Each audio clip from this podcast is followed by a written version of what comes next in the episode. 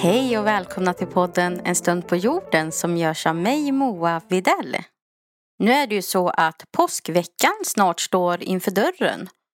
Och många firar påsk till minne av Jesu död och uppståndelse. Men det finns också fler traditioner som innefattar till exempel påskharar, påskkärringar, eldar och mat. Och vi ska nu ta en lite närmare titt på påskens olika inslag. Jag hoppas att det ska bli en spännande och underhållande lyssning där just du kanske får lära dig något helt nytt om påsken. Men nu kör vi igång.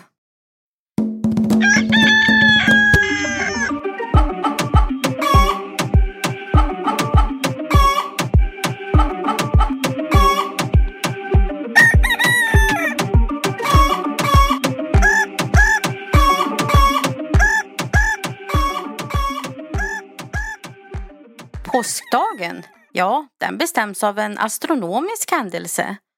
Påskdagen inträffar alltid söndagen efter den första fullmånen på vårdagjämningen, vilket också betyder att påskafton i princip aldrig är på samma datum som förra året. Nu ska vi se på lite olika påsktraditioner världen över och de skiljer sig verkligen åt. I Polen har man som tradition sedan lång tid tillbaka att männen på påskmåndagen ska kasta vatten på kvinnorna. Samtidigt som man ska daska till dem lite lätt på bakdelen. I Tjeckien och Slovakien är det tradition att daska till kvinnorna lite lätt med en handgjord piska. Att vi i Skandinavien istället klär ut oss till påskkärringar och påskgubbar för att knacka på dörr och be om godis, ja, det är ganska unikt. Och idag så klär sig barn nu till rosenkindande påskkärringar och äter godis. Och det här grundar sig i en gammal folktro om häxor. Enligt folktron så flög häxorna till Blåkulla på skärtorsdagen. Och för att skrämma dem så sköts det ibland annat gevärsskott och det gällde att gömma sina kvastar. Det här kommer jag att prata mer om senare. Men påskharen då? Var kommer han ifrån? Ja, en gång i tiden så trodde man att harar var hermafroditer och kunde para sig utan att förlora sin oskuld Alltså att den hade en okrossad mödomshinna. Och därför så är påskharen en symbol för Maria med ägg som en symbol för återfödelse som traditionellt är färgat rött för Kristi blod. Kan vi fira påskafton redan den 22 mars? Ja, kanske inte just vi, men under år 2285 så kommer påskafton sannolikt att eh, infalla redan den 22 mars och det är faktiskt det tidigaste datumet som påsk kan starta. Och det här blir första gången sedan 1818 som påsken har inträffat vid den här tidpunkten. Att fira påsk i tiden. Det är inte bara här i Sverige som vi har tradition att barnen ska leta efter påskägg fyllda med godis. Världen över så är faktiskt det här en ganska stor tradition. Och idag så finns det faktiskt även påskägg för blinda. Och de här påskäggen de piper lite lätt för att även de synskadade barnen ska kunna vara med och leta. Väldigt bra idé. Påsktisdagen, vad är det? I Tasmanien, Australien, så firar man påsk en extra dag, den så kallade påsktisdagen. Och det är bara i Tasmanien som man har den här extra dagen som är en lika befintlig del av påsken som alla andra dagar. Tack vare påsken så myntades begreppet före Kristus och efter Kristus. Och det myntades år 523 efter Kristus av Dionysius Exigus enbart för att man skulle kunna hålla koll på det korrekta datumet av påskafton. Spanjorer, de firar påsk med en vit huva. Medan den spetsiga vita huvan är en symbol för rasism i USA, ni vet Ku Klux Klan, så används samma kostym i Spanien under påskfirandet. Så med andra ord så finns det ingen anledning att springa för livet om du är på semester i Spanien under påskhelgen. Det är bara spanjorerna som firar. Godis, ja, en enorm marknad. I USA så säljs det mer godis under påskhelgen än vad det säljs under halloween. Bara under fjolåret så såldes det påskgodis för över 823 miljoner dollar. Jesus ja, ja vad sysslar han med egentligen? På skärtorsdagen åt han nattvarden med sina lärjungar. På långfredagen blev han korsfäst. På påskdagen, som infaller på en söndag, återuppstod han. Ja, det här kommer vi prata lite mer om sen.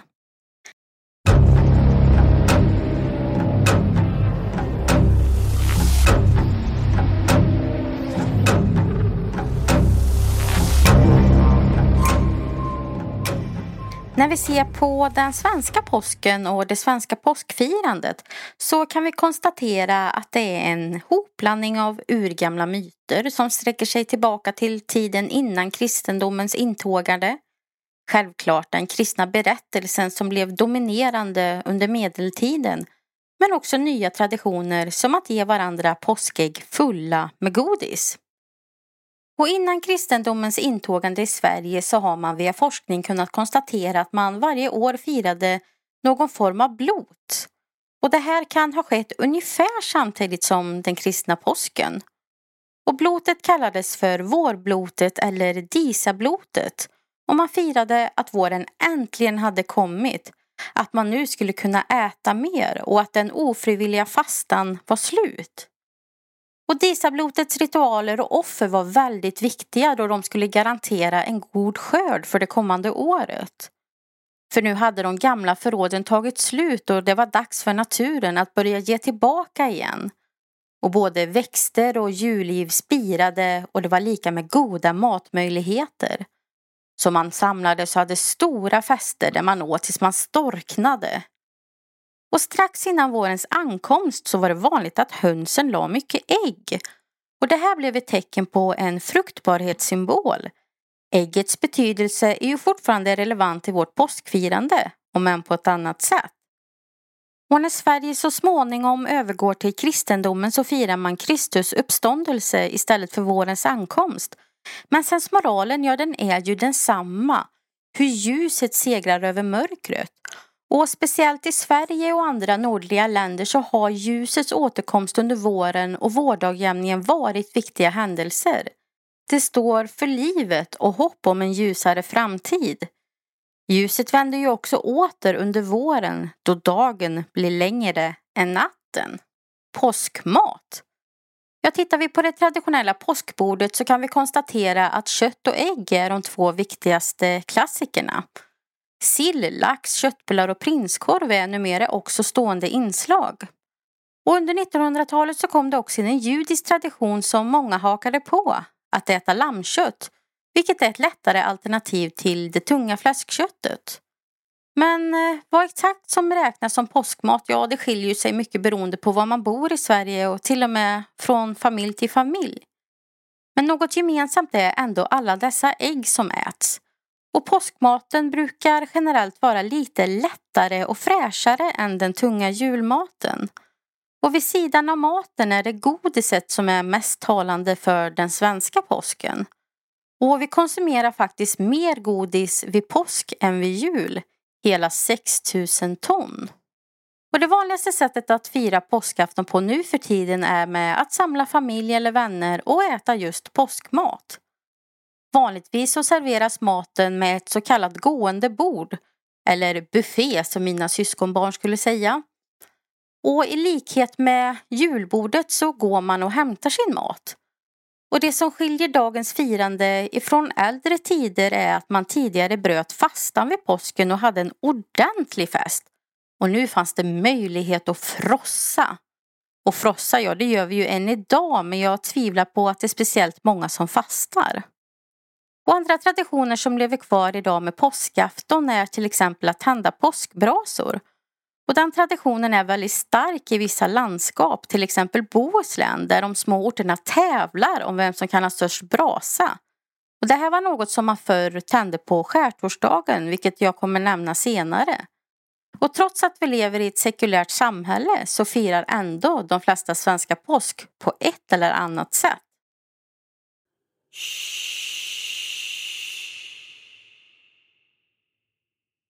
Dymmelveckan, tysta veckan eller stilla veckan? Ja, vad är det för någonting? Sista veckan i fastan kallas för dymmelveckan eller tysta veckan eller stilla veckan och inleds med palmsöndagen som firas till minne av hur folk strödde palmblad vid Jesus intåg i Jerusalem. Måndagen kallas för blå eller svarta måndagen och tisdagen kallas vita tisdagen. Och dessa namn betecknar ursprungligen måndagen och tisdagen i fastlagen där deras namn har en innebörd men har i folkmun förflyttats till stilla veckan. Onsdagen i den här veckan kallas för dymmelonsdag. Och orsaken är att påskfriden skulle ingås med tystnad och att man därför virade tyg runt kyrkklockorna för att dämpa deras slag. Och på vissa platser så bytte man ut kyrkans kläppar mot träkläppar som kallas för dymling. Och en dymling, ja det var en träpinne som användes för att binda ihop stockar med. Och man kan bland annat se detta i knuttimrade hus. Onsdagen till lördagen, ja det var fastans strängaste tid och allt arbete skulle då vila. Och under dymmelveckan så trodde man också att häxorna var extra farliga. Så alla hjul såsom kvarnhjul och spinnrockshjul och med mera skulle stå stilla. För enligt folktron så trodde man att allt som svängde runt skulle öka frälsarens pina. Och veckan fortsätter med skärtorsdagen som enligt folktron var den dag då häxorna och trollpackorna var aktiva och det var deras natt. Man trodde att de flög till Blåkulla eller Häcklefjäll för att umgås med djävulen. Så inför skärtorsdagen så plockade man därför bort alla redskap som häxorna kunde tänkas använda som till exempel spadar, kvastar eller bakspadar. Och djuren, ja, de måste ju också skyddas och för att skydda djuren så målade man även kors på laggårdens dörr. Och glömde man det så kunde häxorna tjuvmjölka korna eller använda dem som riddjur till Blåkulla. Men man kunde skydda sig mot påskkärringarna genom att skrämma dem med till exempel då påsksmällare eller att tända påskeldar. Något som fortfarande är populärt att göra idag även om det har en helt annan innebörd. Och på 1600-talet så blossade häxprocesserna upp runt om i Europa och det här var till följd för rädslan för häxor. Och nu för tiden så är det ju vanligt att barnen klär ut sig till påskkärringar och sådär men det ligger en ganska mörk historia bakom den här traditionen.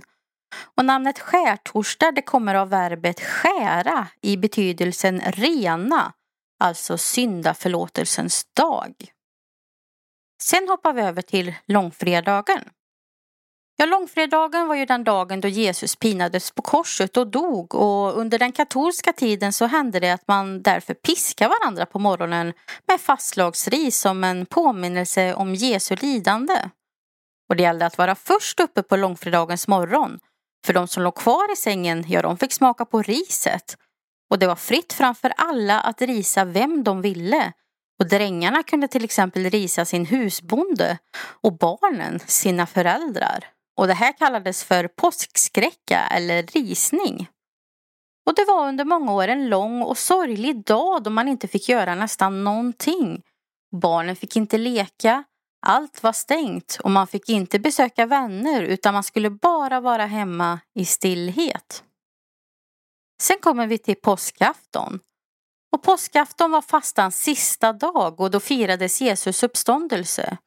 Och enligt de kyrkliga högtiderna är det dock först på påskdagen eller vid midnatt på påskafton till påskdagen som den riktiga påsken startar.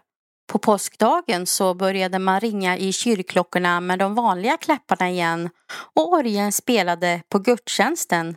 En mycket glad gudstjänst där man pratade om att Jesus, ja, han var uppstånden. Annandag påsk var för ungdomarnas kväll och de stilla och lugna dagarna var nu över och byns drängar och pigor samlades till så kallade påskastua. Och det var pigorna som nu uppvaktade drängarna. Annars brukade det ju vara tvärtom. Man åt påskmat och dansade och tog igen allt det där tråkiga som man hade fått utstå under den tidiga veckan.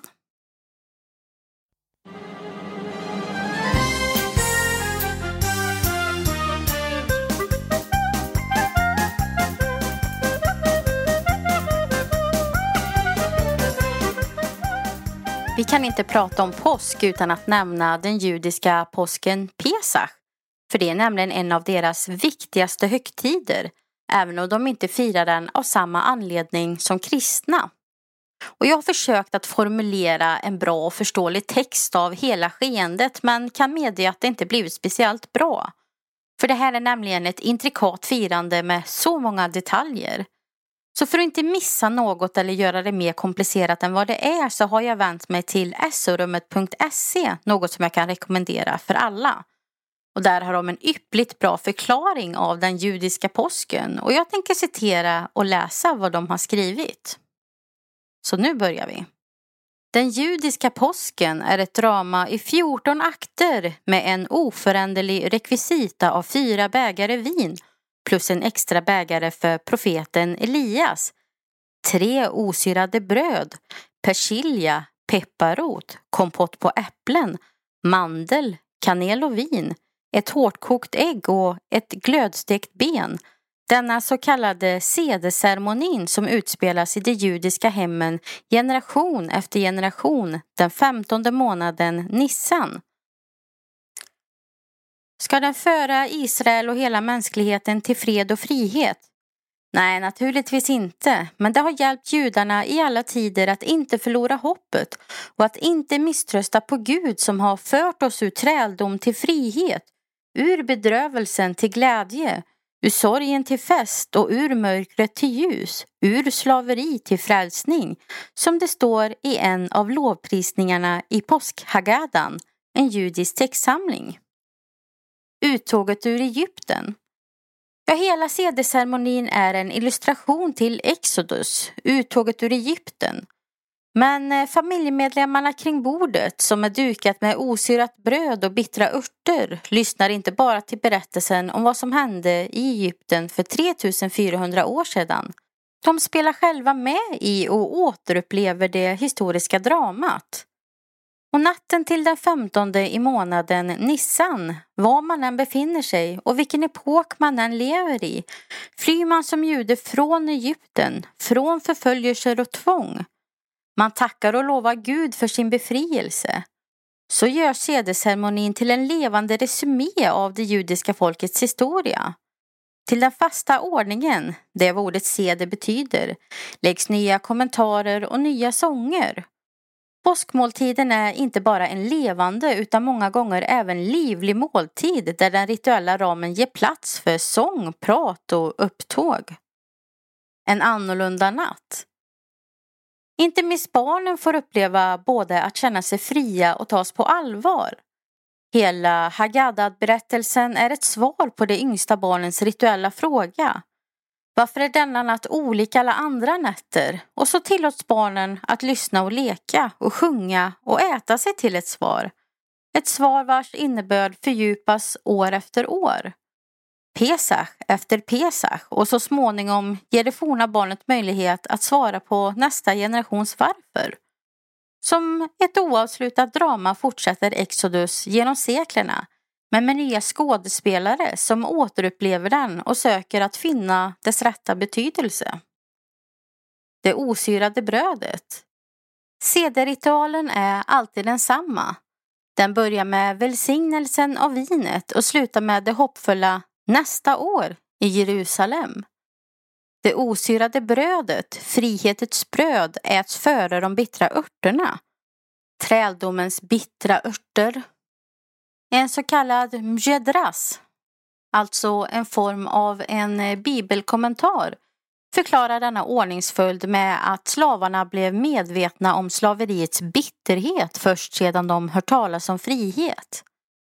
Den judiska påsken firas kan man säga till åminnelse av det som skedde och till påminnelse till det som sker samt i hoppet om vad som ska komma ske i framtiden. Igår befrielsen från träldomen i Egypten, Exodus. Idag, i varje släkte är man skyldig att anse sig själv som om man dragit ut ur Egypten, står det i Hagadan. Imorgon, hoppet om Israels och hela mänsklighetens befrielse. Detta hopp får sitt uttryck i välsignelsen av Elias bägare och i det glada utropet nästa år i Jerusalem. Och kanske allra bäst när barnen öppnar dörren för profeten, budbäraren och mänsklighetens slutgiltiga befrielse om fred och frihet, om Messias ankomst. Slutcitat. Nu vill jag önska er alla en riktigt glad påsk och tacka er för att ni har lyssnat och jag hoppas att vi hörs snart igen.